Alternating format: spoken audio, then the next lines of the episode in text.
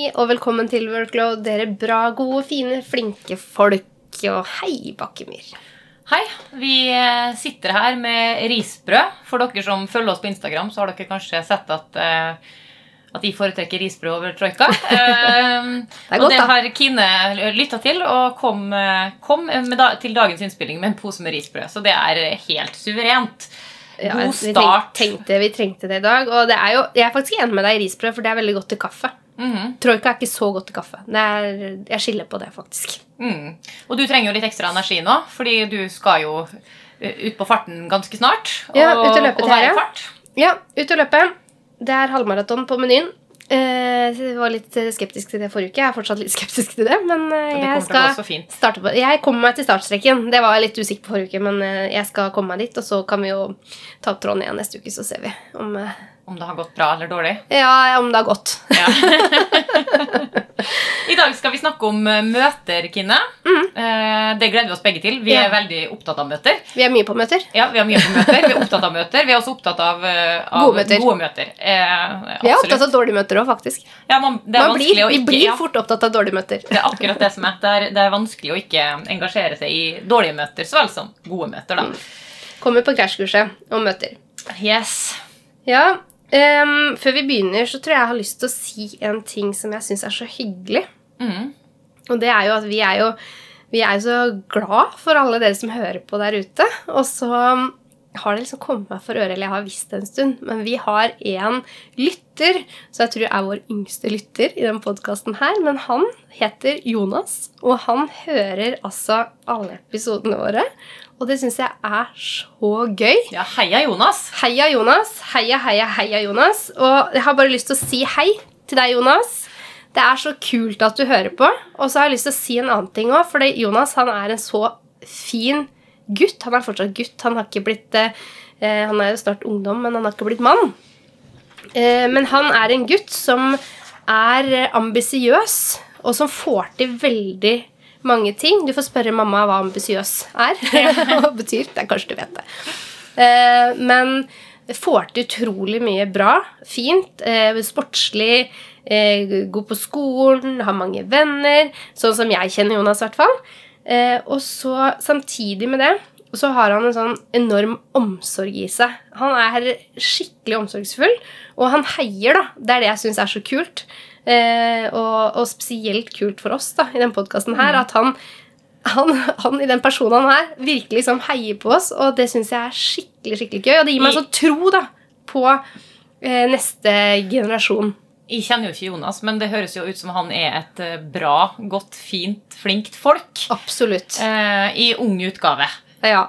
Ja, det er Så herlig, Jonas. Vi syns det er kjempekult at du hører på, Jonas. Så fortsett så lenge du har lyst til det. Det syns vi er skikkelig gøy. Og vi heier så på deg og gleder oss til å se og, og følge deg om noen år eh, når du skal inn i arbeidslivet. Og se hvordan du blir der, for jeg tror du kommer til å, å gjøre det knallbra og kommer til å være en fin, fin fyr inn i arbeidslivet og en veldig veldig god kollega for noen når du kommer så langt. Men før det er det mye annet du skal. Men når du kommer dit, så har jeg skikkelig trua på deg.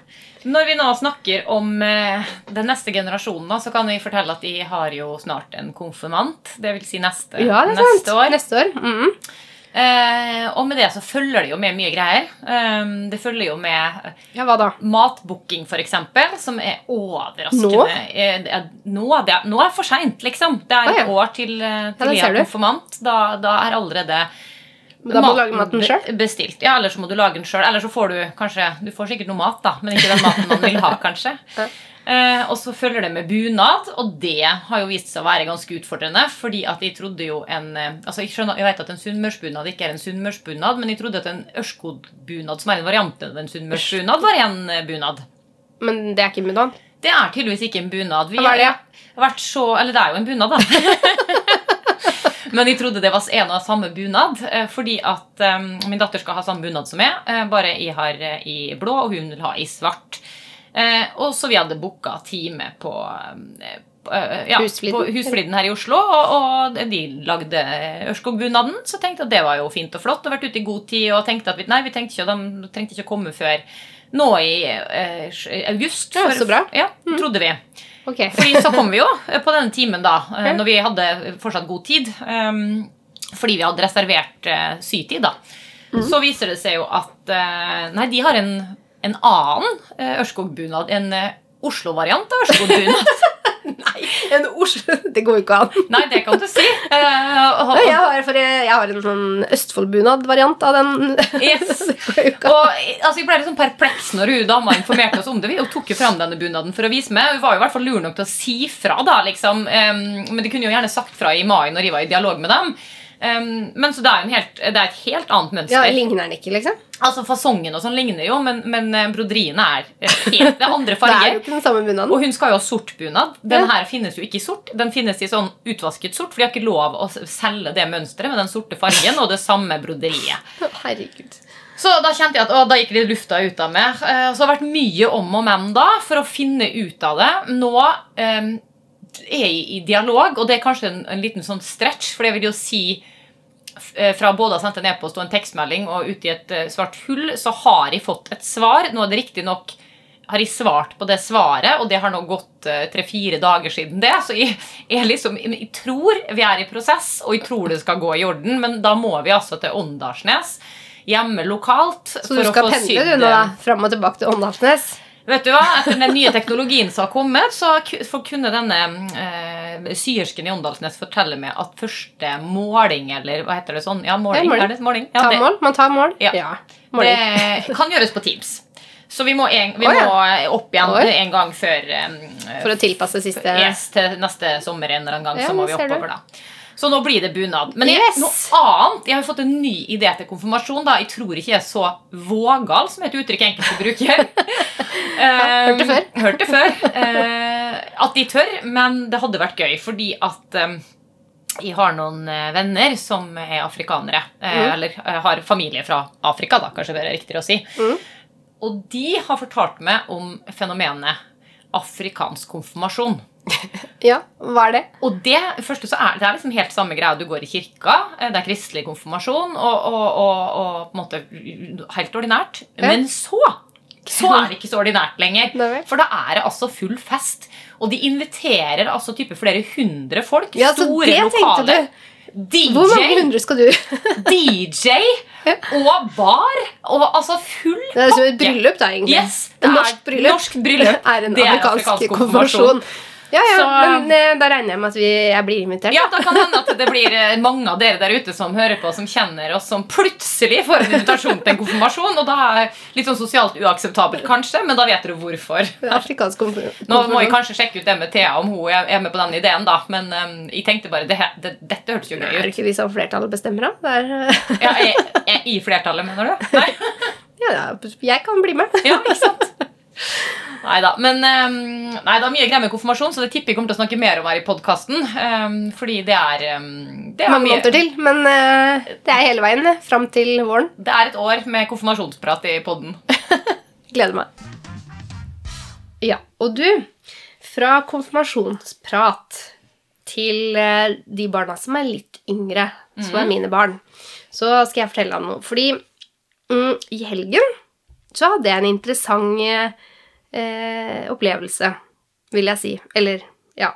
Var, vi var eh, ute i skogen med barna, og så tenkte jeg sånn Noen ganger så får jeg litt ånden over meg, og så tenker jeg sånn Vi tar med oss eh, gassbrenneren ut, og mm, skulle steke pannekaker ut, og, og det gjør vi jo innimellom det. Ja, det fikk jeg en snap av, det. Du, fikk en snapp av en pannekake der. Eh, Det var veldig hyggelig. Men det som, eh, det som skjedde da, i skogen, det var at jeg skulle jo ta opp den gassbrenneren. Eh, Og så sier jeg Så var det litt sånn, litt sånn gresstuster på en måte der den skulle stå, men det var liksom Det var ganske sånn, du vet når du har tråkka ned gresset veldig, og så har det blitt hardt, så var det sånn Ja, samme av det, du skjønner greia, men litt gresstuster. Så jeg tar og bretter opp den gassbrenneren, da. Og så rydde litt gress rundt. Og så hadde jeg med meg Mia, da, så, og gutta var liksom litt bortenfor. Men jeg skulle ha med Mia, så hun liksom skulle få holde på med dette her, da. Og jeg bretter ut og setter den opp, og så til og med drar vekk noen sånne gresstuster. da, Sier til Mia her må vi være litt forsiktige, liksom, for jeg tror dette går helt fint, men vi må se, her er det litt gress, det kan ta Skal fyr. ikke lage brann. Skal ikke lage brann, sier jeg. Eh, og så gjør jeg som jeg alltid pleier, da. Tar og så trykker der sånn gassbrenner på som du bare klikker på. Mm. Eh, og så klikker jeg på den, og så bare Å, fy fader, liksom! Så bare brenner hele gresset. Det bare tar fyr i gresset. Og jeg vet du, bare river opp av sekken drikkeflasker, heller på masse vann. Og, liksom, og jeg tenkte sånn, nå blir det skogbrann her. Ja. Nå har jeg starta oppi nå, Til og med skogbrann klarer jeg å starte. Ja.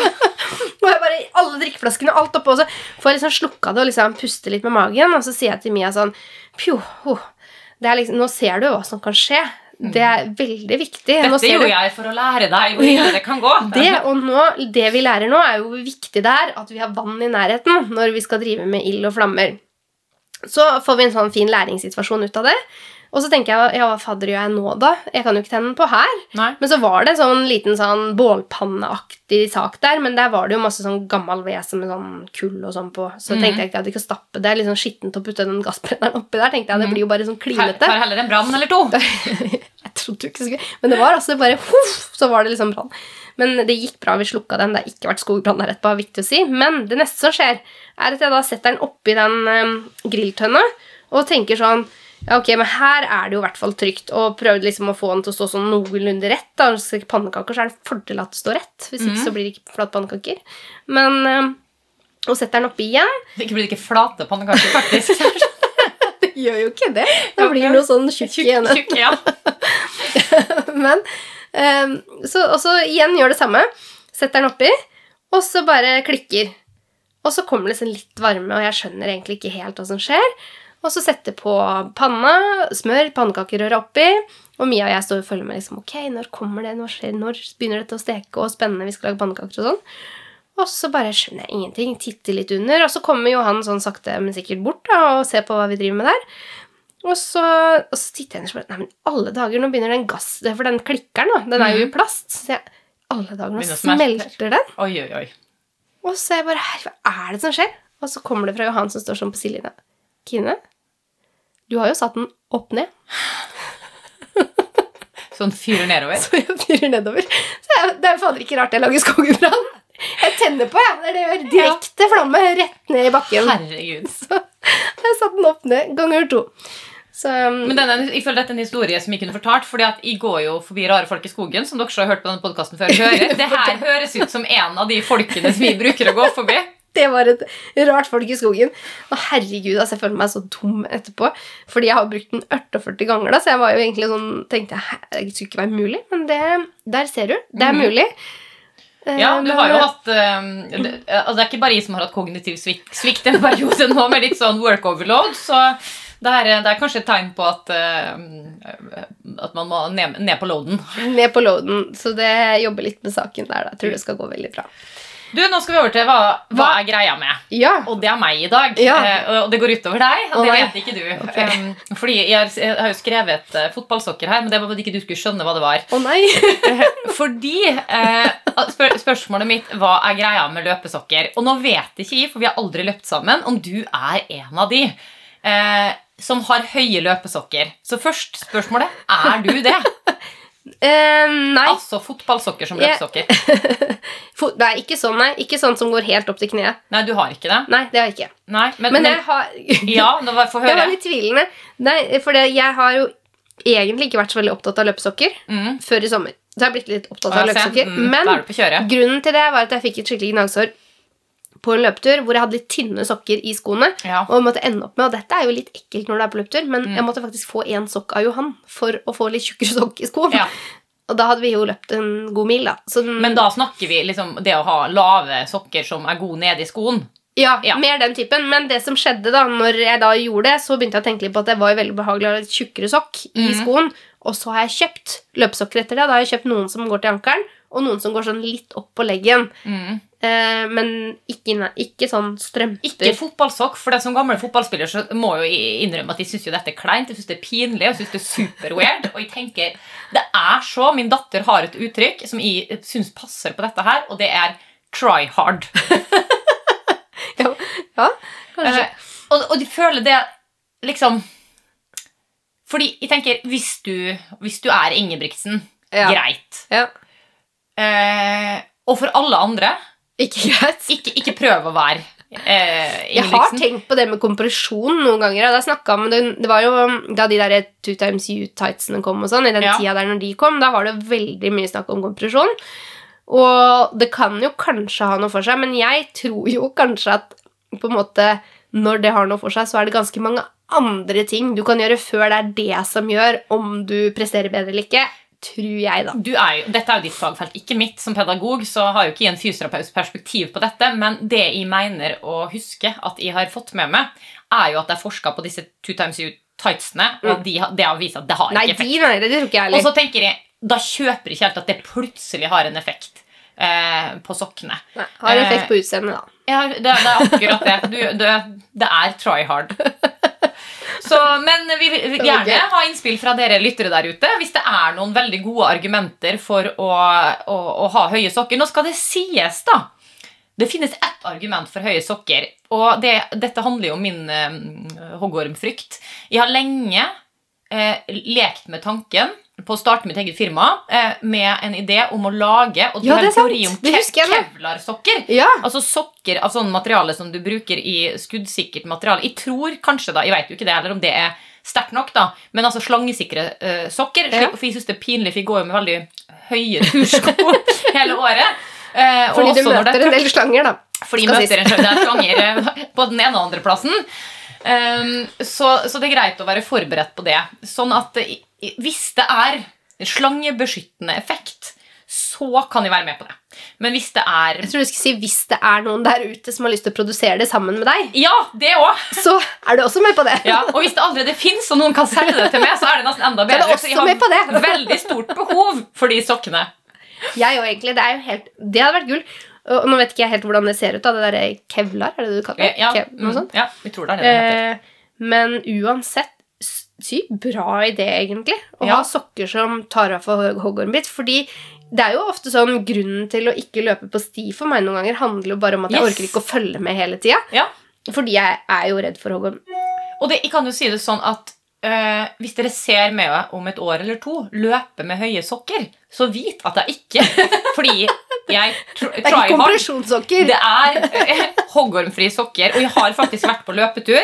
Det for dere, dere som hørte på sist, har jo fått med dere at det har vært en hoggorm inne i bildet, men, men det er noen år siden så var jeg ute og løpte i Østmarka. Og da var, løpte jeg på et svaberg um, sammen med min bedre halvdel. Han løpte foran meg. Han løpte ved siden av en hoggorm, så den ikke. Så kom jeg. Uh, og da ser man jo hva man kanskje kan være i stand til når adrenalinet slår inn. For da skulle de til å lande på Ja, en hoggorm. det er sjukt. Og da bare hvordan Hvor, hvordan, ja, de bare Mm. forflytta meg i lufta en meter og landa Ja. lenger bort. Sånn byks. Men da var det også en lang pause fra skogsløping. Akkurat som Det nå er en lang pause fra, fra lufting av hund i skog. Så, mm, så det var dagens Hva er greia med? Nå skal vi over til fils og tvil. Nei, vi skal over til pil, og tvil. Åh, vet du hva? Det... Ja, jeg er glad jeg har kognitiv svikt øh, å skylde på, Kine, fordi at um, dette, ja, dette setter Skal være altså. glad at uh, det biter ikke på meg. Nei. Jeg blir ikke fornærma. Nei. Nei, og du begynner jo av og til å blande litt sjøl, så, ja, så det biter på deg på det viset. Men ikke, det er sant. Jeg er noe annet vis. påvirkelig, det er jeg. Um, men ja. tilbake til pil, så tvil. Eh, jeg har jo tidligere sådd tvil om demokratiet hos deg. Mm. Og jeg har tenkt å så tvil om det en gang til. Og det handler om hvorvidt demokratiet er i fare. Eh, og, for det har jo Dramatisk. vært ja, Ja. Litt dramatisk må det være. Det har jo vært eh, valg. Det håper jeg at alle har fått med seg, og jeg håper at alle dere som hører på her, fordi dere er bra, gode, fine, flinke folk, så har dere brukt stemmeretten deres. Enten om det har vært med stemme eller om det har vært blank stemme, så har man i hvert fall brukt eh, retten og borgerplikten, hadde jeg lyst til å si her. Ja, det er rart si, men jeg føler det er litt plikt. Ehm, men det er jo faktisk sånn at eh, det var eh, nesten 40% som ble sittende hjemme, og som ikke stemte ved kommunevalget nå. Mm. Eh, og hvis vi sammenligner det med stortingsvalget i i, sier jeg, ja, ja, det, jeg kan jo si i For to år 2021, men for to år siden, så var det 77,2 er vel det tallet i hvert fall vi har sett på hvor mange som stemte. Så, så med de tallene i bakhodet, da, Bakkemyr, Mm. er demokratiet i fare? Hmm. Ja, ikke blant lytterne våre, da. Vi har jo spurt dere. Alle dere har jo øh, Alle dere som har svart? Ja, alle dere som har svart. Mener jo at man skal bruke stemmeretten. Jeg håper jo dere uh, gjorde heter handling av ord. Er det ikke det som det så heter så fint? Mhm. Um, ja, jeg tenker det er jo Altså Vi bruker jo ofte det på, sånn, på jobb i forhold til aldre medarbeiderundersøkelser, brukerundersøkelser, disse tingene her. ikke sant? Så er det jo på en måte gjerne at man sier sånn Hvis det er under 60% så begynner man å være usikker på om man kan lene seg på resultatene. da. Så kan Mm. man jo tenke når vi er nede der nå Ja. um, og så er, tenker jeg, er det fordi det er lokalvalg? Bryr folk seg mindre da? Eller er det uh, bare en, en trend? Mm. Uh, jeg vet jo at i Bidal i Nordland Mm. så- Bidal? Bi Bindal? Bindal. Bindal. Bind- Nå sier jeg det som jeg later som at jeg vet Jeg vet ikke hvor det er. Nei, ikke det. Det, er- det, det. Dette har vi skrevet ned, men det er Bindal. Bindal. Vi får håpe det, da. Hva var det med Bindal? Du, det som var der, det var at det var rett og slett eh, kun to partier det gikk an å stemme på. Altså Arbeiderpartiet og SV. Jeg har aldri tenkt over at det var mulig. Uh, nei, ikke Det har ikke jeg heller. Hvor, hvor mange er det som bor i Bindala? Vet Nei, det? har jeg ikke peiling på. Nei. Men det jeg vet, da, er i hvert fall at over 16 stemte blankt. Sikkert en slags en høyrebevegelse. Ja, det er to parti pluss et parti til. Blankt. Men SV og Ap, det er jo Fader, du har jo ikke noe valg, da. Nei, det er, du har ikke noe valg. Og det er jo et demokratisk problem. Ja, i et kommunevalg, i hvert fall. Ja, Ja. det er det. Så her tenker jeg at eh, Her føler jeg at partiene må skjerpe seg og, og sørge for å mobilisere krefter lokalt, slik at de faktisk har minst én representant. ja, Ellers så må man jo slå sammen noen kommuner, da, tenker jeg. Altså, her Ja, er Nå er vi inne på poli politisk betent eh, tema, så um, jeg tror bare med den uttalelsen så kan jeg bare si takk til deg. Du er ikke velkommen i politikken, eller i hvert fall ikke i noen deler av politikken. Jeg vet hva, jeg liker meg best på eh, andre sida. I hvert fall ikke lokalpolitikken, da. Det, det, det er akkurat det. Men um, Nei da. Men, men jeg, jeg må jo si at det er jo bekymringsfullt. Jeg er jo veldig opptatt av demokratiet. Vi snakka om det sist òg, hvor, hvor viktig det er. Og da var vi jo innom dette med både ytringsfrihet og muligheten til å si eh, eh, si, si meningen sin, at vi har åpne, gode diskusjoner, får fram ulike nyanser og, og diskusjoner. Det gjør man i hvert fall ikke når man bare har to partier, begge på venstresiden. Nei. Eh, men klart, jeg, nå, jeg vet, det kunne vært interessant å visst hva valgdeltakelsen var i Oslo. Jeg vet den var veldig lav i Groruddalen. Eh, Men på en måte om det er enkelte deler av landet da, der demokratiet er i større fare enn andre deler av landet, det er ikke godt å si. Men, og spørsmålet er om det er, om det er i fare når det er sånn som det, da. I Bindal. Ja. Bindal, Bindal. og er det demokrati, demokratiet eller er det lokaldemokratiet som er i fare? Ja er Altså, ikke, er ikke, ja, ja, hva slags type demokrati snakker vi om, Ja. på en måte? Ja, Eh, man kan jo, Du snakka om kommunesammenslåing. da, Så kan man jo tenke på en måte at uh, hvis, det, hvis det hadde vært stortingsvalg i år, hadde valgdeltakelsen vært høyere, eller hadde den ikke det? Det blir ja, nei, det får vi jo ikke svar på før om to år. Mhm. Så la oss ta opp tråden igjen. Og det er mye unge gutter, har jeg skjønt. Som stemmer? Nei, som Nei. ikke stemmer. Eh, Burde ha skjønt. ja, det burde ha skjønt det. Nei, de, mange av de sier at de ser ikke poenget med å stemme. Eh, og, og det tenker jeg Det er jo bekymringsfullt. Men jeg skal si det, at det har jeg tenkt selv òg. Jeg, har- Mm. jeg, altså jeg, jeg stemmer jo selvfølgelig fordi at jeg velger å tenke at uh, Mm. det er liv laga, og vi trenger et demokrati. Mm. Men den diskusjonen har jeg også hatt, og, og de tankene har jeg hatt. Hva betyr det egentlig i praksis? Mm. Um, ja, og, ja, og der har jo ikke jeg landa egentlig helt. Men det, enn så lenge så stemmer jeg jo. Men jeg kan, jeg kan jo en forstå den opplevelsen av at det virker jo ikke uansett. Nei, og nå har det jo vært jeg tenker det er jo eh, kanskje det siste året, siste to årene altså Det har vært skandale på skandale på skandale blant eh, våre valgte politikere. Ja, ja. Eh, og da kan man jo bli litt sånn motløs. Skal jeg virkelig stemme på disse menneskene her? på en måte? For det er jo de samme pokker med de samme menneskene som står på lista, som har gjort disse tingene. Og så blir det Eh, sånn spørsmål om makt. ikke sant? Vil Mhm. Ønsker man å gi den makten til altså Får politikerne for Ja. mye makt? Eh, Det, det er jo mange dilemmaer i det, egentlig. Eh, og så er det selvfølgelig hvordan det fremstilles i media. da. Men Vi Mhm. blir jo ekstremt påvirka av det, vil jeg tro. Jeg kjenner egentlig at jeg tror dette her er første gangen du har sådd en ekte tvil. Så her er det Det Yes! virker å bikke Det tok- i en eller det tok annen retning. Elleve episoder Yes. Før jeg klarte å så en Ja. ordentlig tvil. Her bare tviler jeg. Har ikke noe svar. Det er bra for meg. Ok, over til innkast. Ja. Eh, Jeg snakka jo sist om eh, hudpleie. Det var helt nydelig å være der, da. Det var jo det. Mhm. Helt nydelig var det. Det var veldig Det var dyrt, da. Det var nydelig. ja. Men jeg skal faktisk gi et innkast. Dette her er jo ikke på noen måte reklame. Men det kan jo være reklame for hudpleieren min. Men dette er for dere som har lyst til å gå til hudpleie, trenger gode råd eh, og veiledning til deres hud, så vil jeg bare tipse om Det er mulig at det er dumt å gjøre, men jeg gjør det allikevel. eh, det er Nomi. Den klinikken har fått mye medie, fikk mye medieoppmerksomhet når den åpna, skulle åpne. Men, eh, men på den klinikken så jobber det flere gode hudpleiere, jeg er helt sikker på. Eh, Silje Gundersen heter min. Um, og hvis du har lyst på godt um, god veiledning, god hjelp Du trenger ikke å gjøre noen behandlinger, ingenting. Bare få riktig krem, rens ting til din hud på ditt, med utgangspunkt i ditt budsjett. Det er også veldig viktig å si. Så vil jeg bare sterkt anbefale å snakke med henne. Men, og det er to grunner. To grunner. Det, jeg skal bare si det, fordi jeg har prøvd sinnssykt mange forskjellige ting i alle år. år.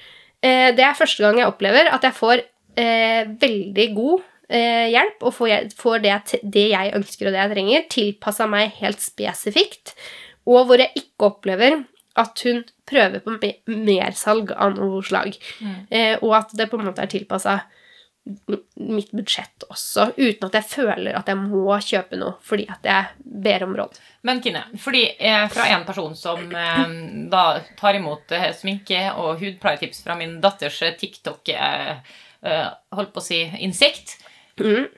og aldri har vært på hudpleier Jeg, jeg har vært på sånn spa, da, med sånn, kanskje sånn aromaterapi på eh, fjeset eller et eller annet. Jeg vet ikke, noe, et eller annet. Det er det du gjør. Du tar aromaterapi på fjeset. Aner ikke.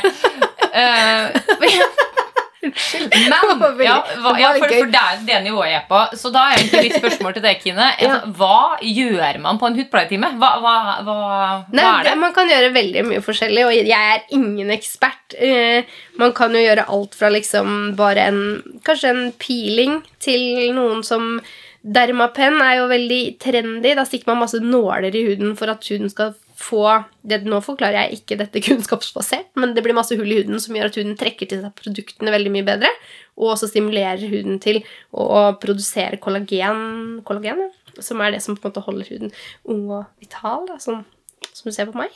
Ja, ja, ja, det er, min datter har sagt liksom, Kine ser så fresh, fresh ut, mamma. Hvor, hvor mye yngre er hun egentlig? Det er, så- er, veldig- eh, Men, men du, og du kan jo altså laser.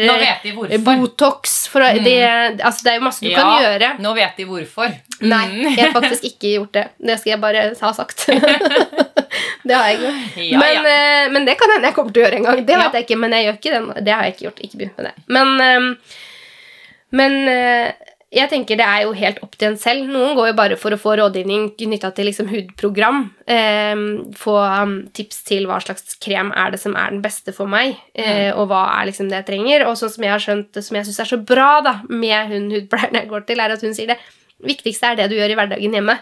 Eh, Det er ikke å gå og få behandlinger. Det kan jo booste ting og sikkert hjelpe til med Hvis du har veldig problemhud, for eksempel, så kan jo det være ting som sikkert er eh, til hjelp. Men, men kanskje det aller viktigste grunnen til at dette er et innkast, er fordi at du kan få god veiledning på å veldig de rette produktene og ikke bruke masse penger. Det er det du Ja, egentlig det er det sier. jeg sier. Nå får du henne av meg, og så får du hjelp fra, innkastene fra henne.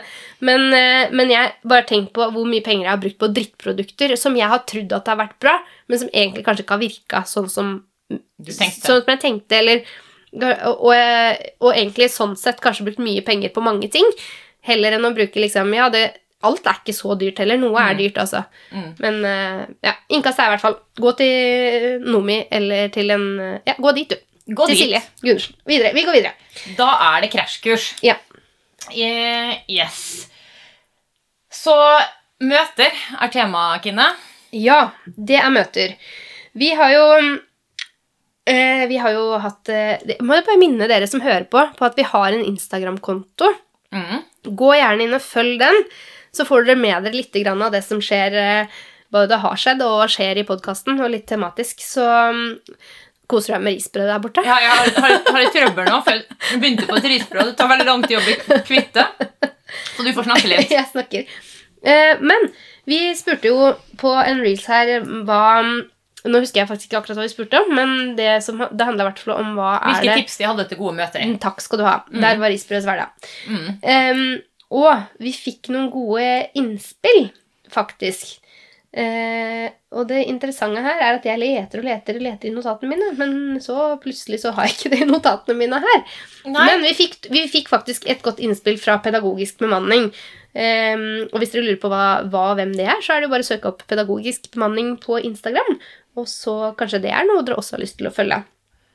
Eh, Det er i hvert fall noe som vi heier litt på.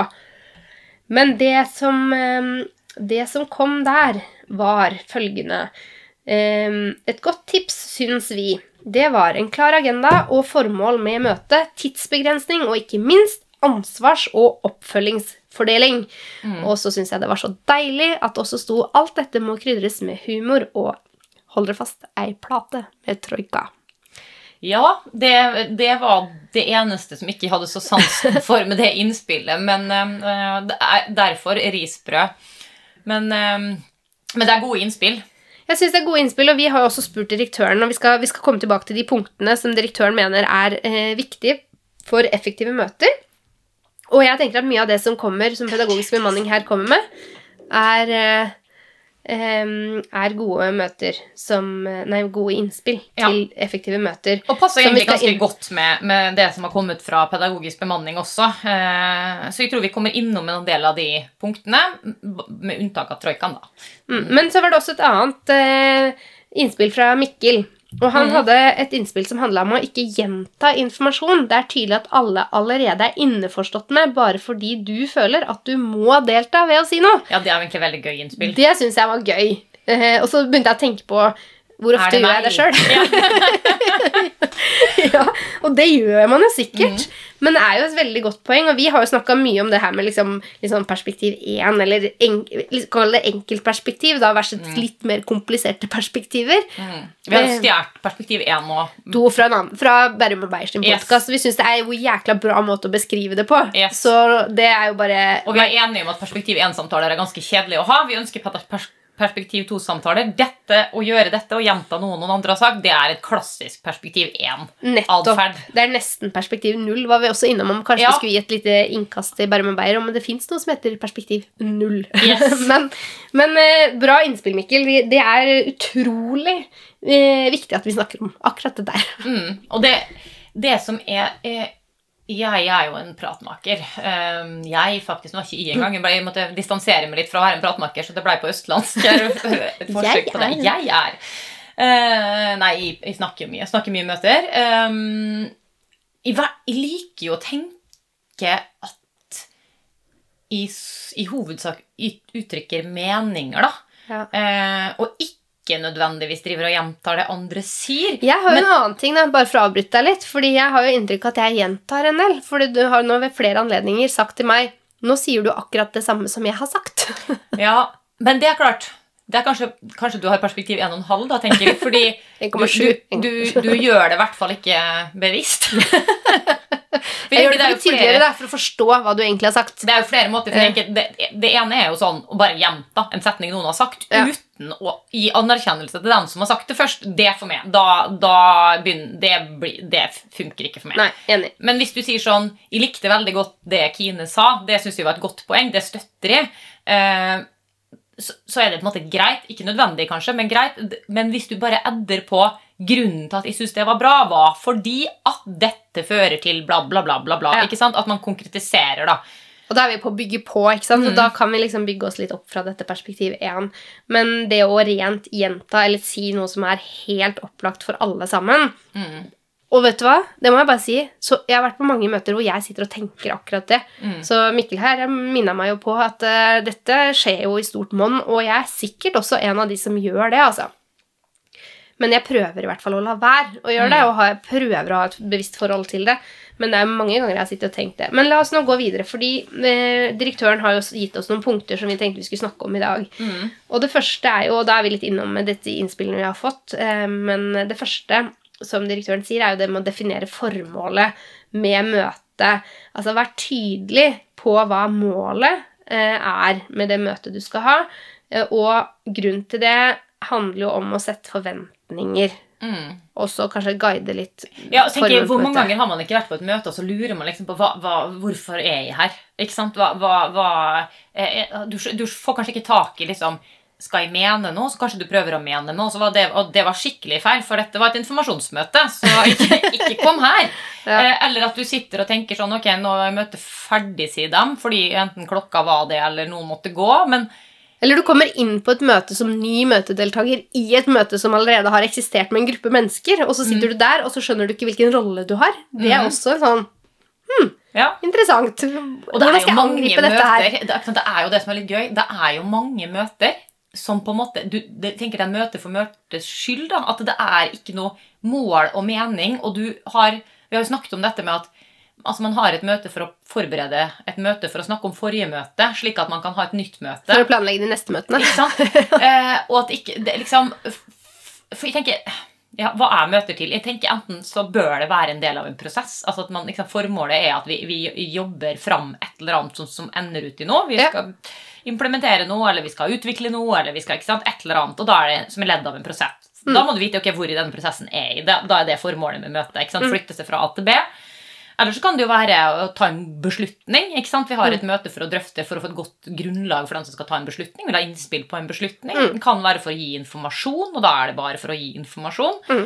Eh, og så kan det være rene arbeidsmøter, som er rett og slett produksjonsmøter. Vi her, nå lager vi et produkt, vi lager et dokument, vi, vi skriver en plan. ikke sant, Den type ting da. Men veldig ofte så er det kanskje en cocktail av alle disse tingene. og Kanskje man sitter fire, fem, seks, sju, åtte mennesker i møte. Ja, gjerne åtte, ni, ti kan det være. Ja. Ja, ja, ja.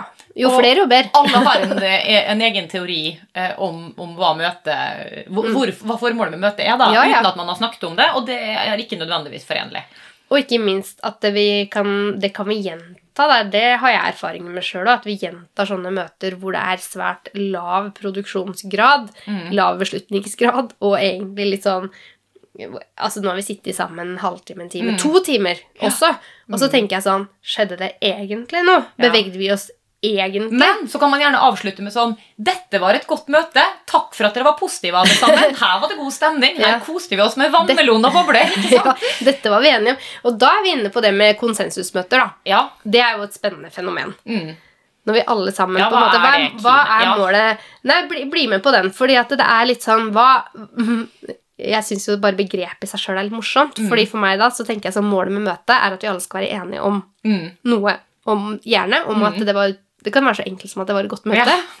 Og at vi alle sammen samarbeider godt, og at Mm. ting er så fint og flott. Mm. Og så så lenge vi alle er enige om det, og har en konsensus knytta til det, så Og dette gjør vondt Dette gjør vondt for en person som er, som er opptatt av lærende Det er helt grusomt. skal jeg være helt ærlig. Det er Mm. sånne møter, og det har jeg vært eh, med på. Dessverre. Det, ja, dessverre. Virkelig dessverre. Og, og, og det, jeg tror på en måte intensjonen Mm. Det er ikke noe sånn, det ligger ikke noe vondt i den tanken om det møtet. altså knyttet til de som, Mm. Jeg tror oppriktig at de som Mm. leder møtet er med på møtet, i hvert fall eh, mange, da, har helt sånn gode intensjoner Mm. med det. Ja, Men opplevelsen min, Mm. eller din, i de møtene, er nettopp det at du sitter og bare sånn Hæ?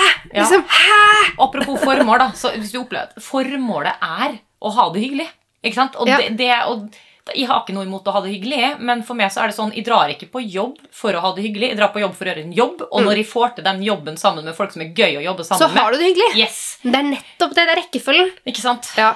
Nei, så konsensusmøter det er jo ikke vi så fan av, men det er jo bra når det blir en konsensus som bygger på noe fordi vi har produsert noe og faktisk har et resultat, så er det jo greit. Men det at målet i seg sjøl er en konsensus, den syns jeg er litt vanskelig å svelge. Ja, og tilbake til det vi snakket om tidligere, om lærende samtaler også, der vi også faktisk snakker om at når alle er enige, så er det viktig at noen sier sånn Ok, selv om vi nå alle er enige, dere, er vi sikre på Er det noen andre perspektiver? Kunne det vært en bedre måte? Mm.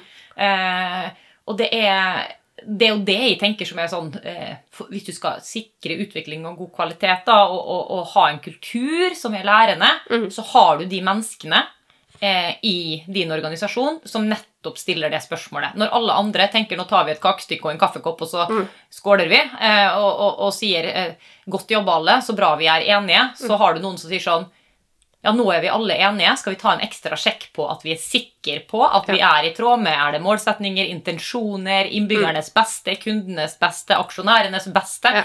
Er dette den rette måten? Ja, og når det glir, ikke sant? For du kan jo ha den følelsen du går til Og dette var så gøy, vi, vi samarbeida, det glei. Ja. Men eh, min opplevelse er jo at det, den følelsen kan jeg absolutt ha, men i løpet av den prosessen der så har jeg også fått noen spørsmål som har gjort at jeg måtte tenke litt mer, eller Og da er det jo greit å gå ut med den følelsen at eh, dette fikk vi til.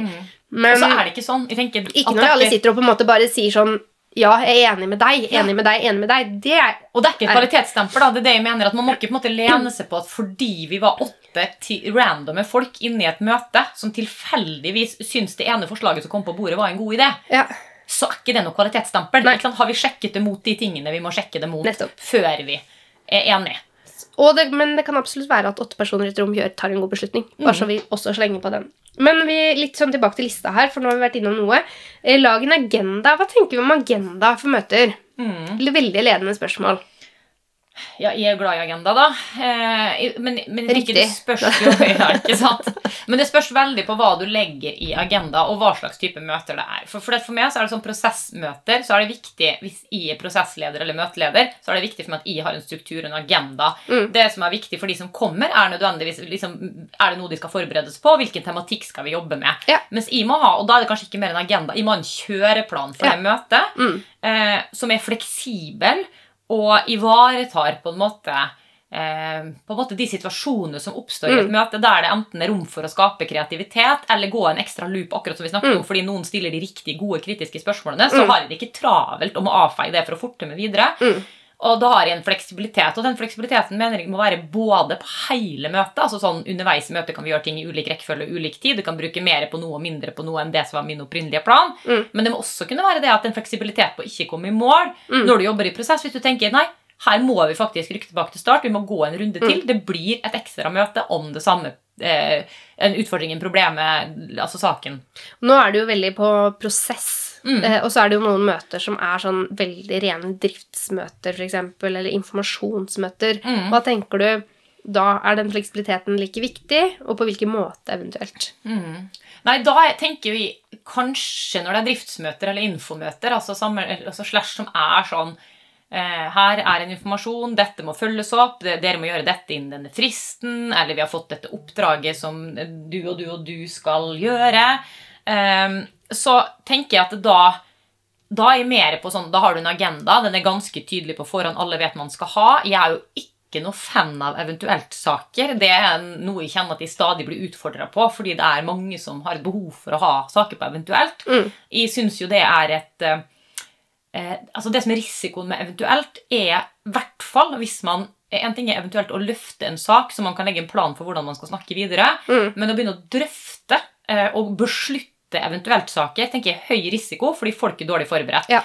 Så det kan fort bli lav kvalitet. da. Så, så jeg tenker begrens eventuelt, men ha eh, Man kan jo også be om at eh, har man eventuelt saker, så meldes det inn på forhånd. Ja, ja, men- så, det på måte, så da vil det bli på sakslista. På en yes. Og da er det ikke eventuelt, tenker jeg. ikke sant? Nei, det, er, og det har jeg vært med på noen ganger, at eventuelt-sakene de flyter jo helt ut. Yes. det, og så tar det nesten over. Og, Ja. altså, vi start, det er nesten når vi starter på eventuelt. Fordi at i det møtet starter, så sier jeg har en eventuelt-sak, og ja, så ja, var den. Ja. vips, så, Og da kan du si at det var en veldig fleksibel leder, men samtidig så fløyt møtet helt ut også. Mm. Så det er jo liksom type møter, men det du sier med fleksibilitet, er jo viktig. Og så er det jo noen ganger at man kanskje ikke har tid da, Mm. til på en måte å ha rom til de store diskusjonene. Så jeg tenker sånn, i hvert fall i sånn møteledersetting, Mm. at man har tenkt gjennom det på forhånd litt. Grann, hvor er det du har fleksibiliteten? Hvor har du ikke? Hva må du få sagt? Mm. Og da tenker jeg litt sånn på agendaen, altså få det inn på agendaen, men ha kjøreplanen din litt sånn da tar jeg dette først, så jeg er sikker på at jeg kommer gjennom det, og så kan vi skape litt rom på andre steder. Um, men det kommer jo helt an på innholdet i møtet.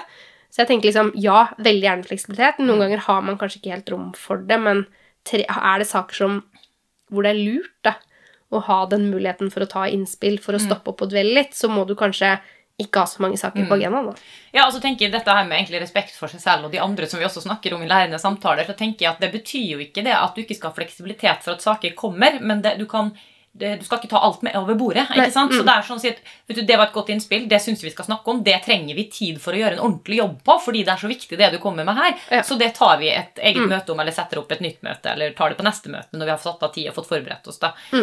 Så, um, men alt dette her som vi snakker om nå, handler jo egentlig om møteledelse, som jeg, oh, jeg tenker det er som et eget fag. Og har du en god møteleder, så går som regel møtene bra. Har du ikke det, så gjør de ikke det. Det er jo helt utrolig. altså Man veit jo nesten hvilke møter man går på. Man tenker sånn Her veit jeg hva jeg får. Jeg veit hvilken rolle jeg har. Vet ikke helt hva vi skal snakke om, hvordan diskusjonen blir, men jeg, vet, jeg har liksom en sånn trygghet i å bare bli leda i det møtet. Og så har man andre møter man går på og tenker sånn Det er Nå går jeg inn døra her.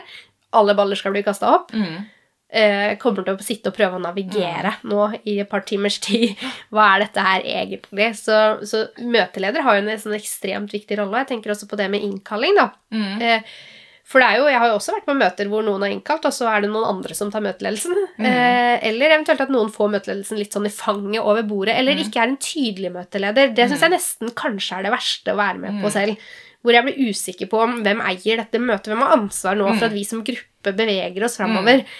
Um, Og der kommer du egentlig litt inn på det vi snakket om sist i forhold til teamorganisering. For jeg tror jo veldig ofte i, i hierarkiske organisasjoner så kan man likevel finne på å drive med sånn der møtelederrullering som jeg tenker er bare tøys. Noen eier det møtet, noen har agenda for det møtet, noen har et mål med det møtet. Da må den personen lede det møtet. Men hvis du jobber i ekte team, Ja. og da snakker jeg at teamet har et mandat som de skal oppfylle, der de alle er likeverdig ansvarlige for det målet de skal nå, ja. da kan du rullere på møteledelsen. Ja. Mm. ikke sant? Fordi da er det, da er det på en måte den Da er man likeverdig inn i det, da, ikke sant? Mm. med samme mål og, og, og, og på en måte retning. da. Og det er jo litt, det er viktig å tenke gjennom. i hvert fall. Ja. Men en annen ting, det er ikke bare møtelederen som er viktig. Det er jo også folka som er der. Mm. Hvem er de rette folka på et møte? Mm.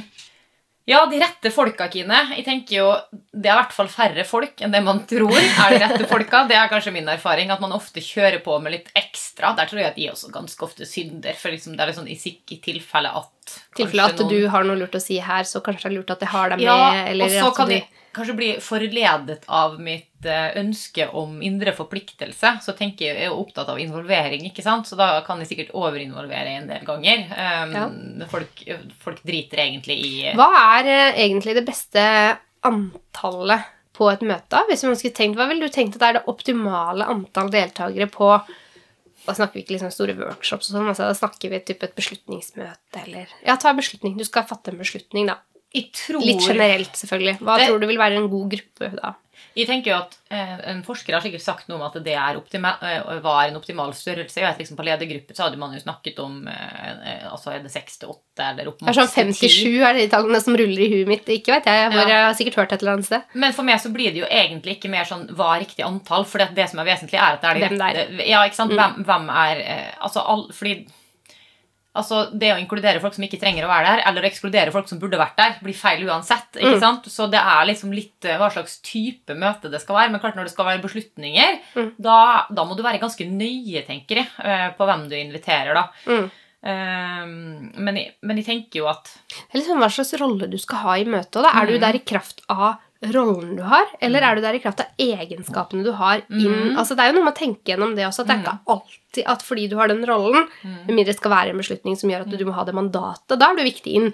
Men kanskje er det for at du skal komme videre da, i den prosessen du holder på med, eller så kan det være at det er egenskapene.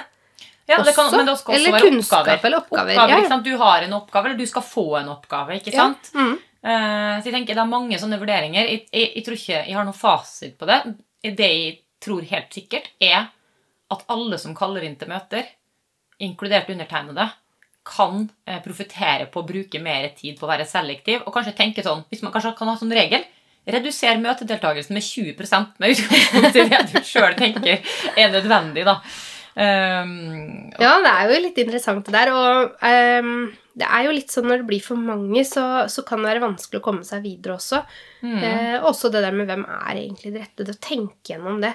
Um, for Og noen da- ganger det er sånn nærliggende. Jeg må si det som, som prosjektleder da, og den rollen jeg har hatt, så er det, det er liksom noen sånn nesten litt sånn go to-personer. Det er jo fælt å si det, men man tenker at eh, jeg skal drive med et eller annet, og da er det alltid dere tre. Pluss Og så får vi se hvem de andre er, litt avhengig av hva møtet handler om. mm. Altså, det- er jo litt sånn enkelt sagt, og det er jo ikke helt riktig, at det er sånn, men, men det er litt fort gjort. Mm. At man går litt i samme sporet Mm. og tenker at eh, ja, men eh, vanligvis er det denne gruppa her som får den oppgaven her. Mm. Så fortsetter vi å gjøre det.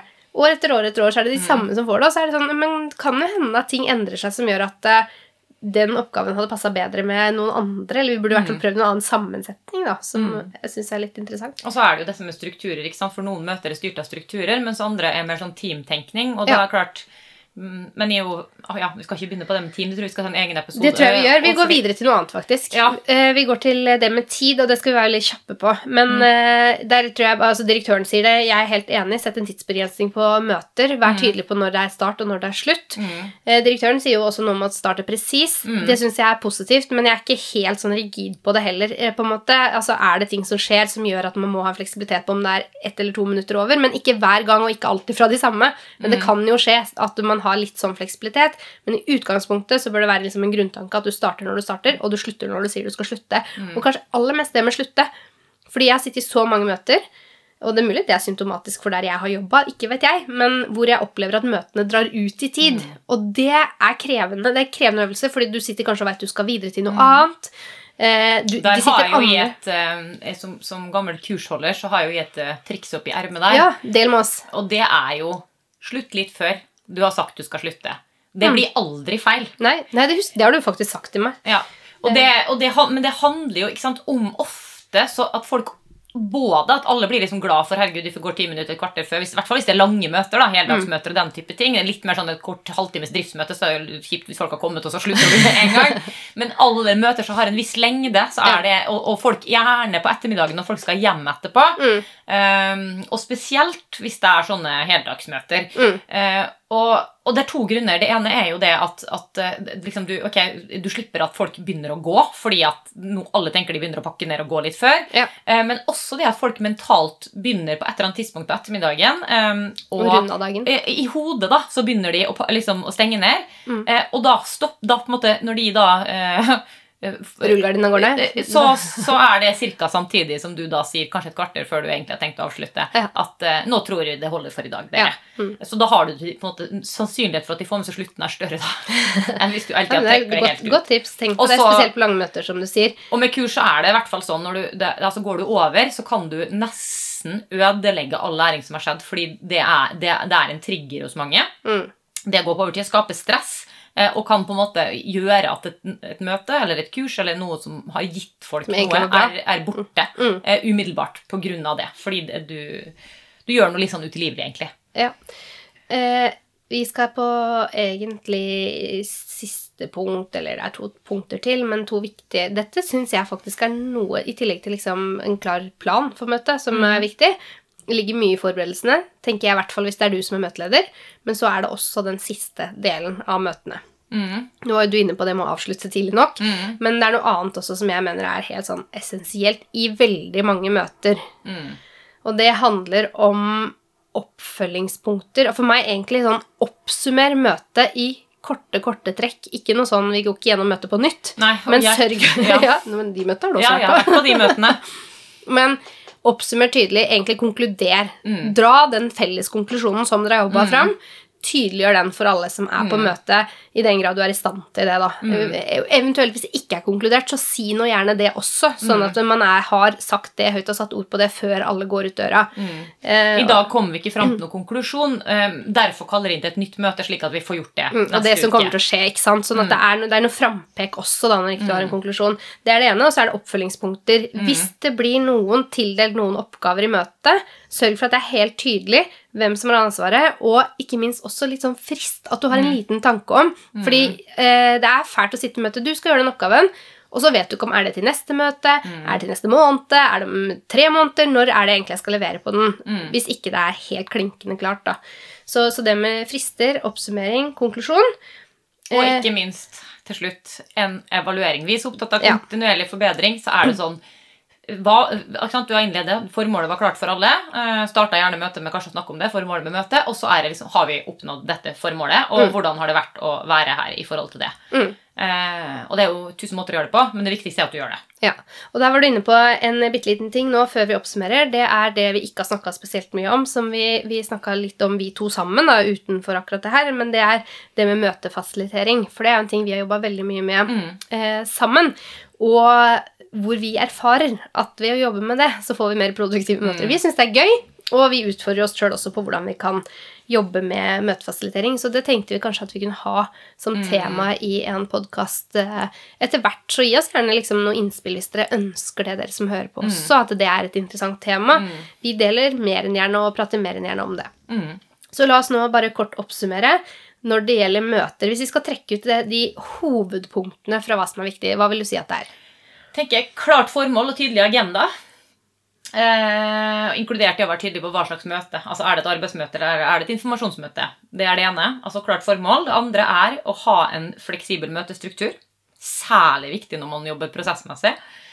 Eh, og at num nummer tre da, og siste punkt er at møteeier eh, må være møteleder og sørge for oppsummering og konklusjon. Eh, og derunder da dette med punkter til oppfølging. Det var dagens krasjkurs, og vi bare oppfordrer dere vi, til å like oss på Spotify. Del oss gjerne med kjente, følg oss på Instagram, og kom veldig gjerne med innspill til oss te tematisk. Og husk, ikke alle diskusjoner krever et formelt møte. Hvis et tema kan løses gjennom en rask e-post, så velg det. Takk og farvel.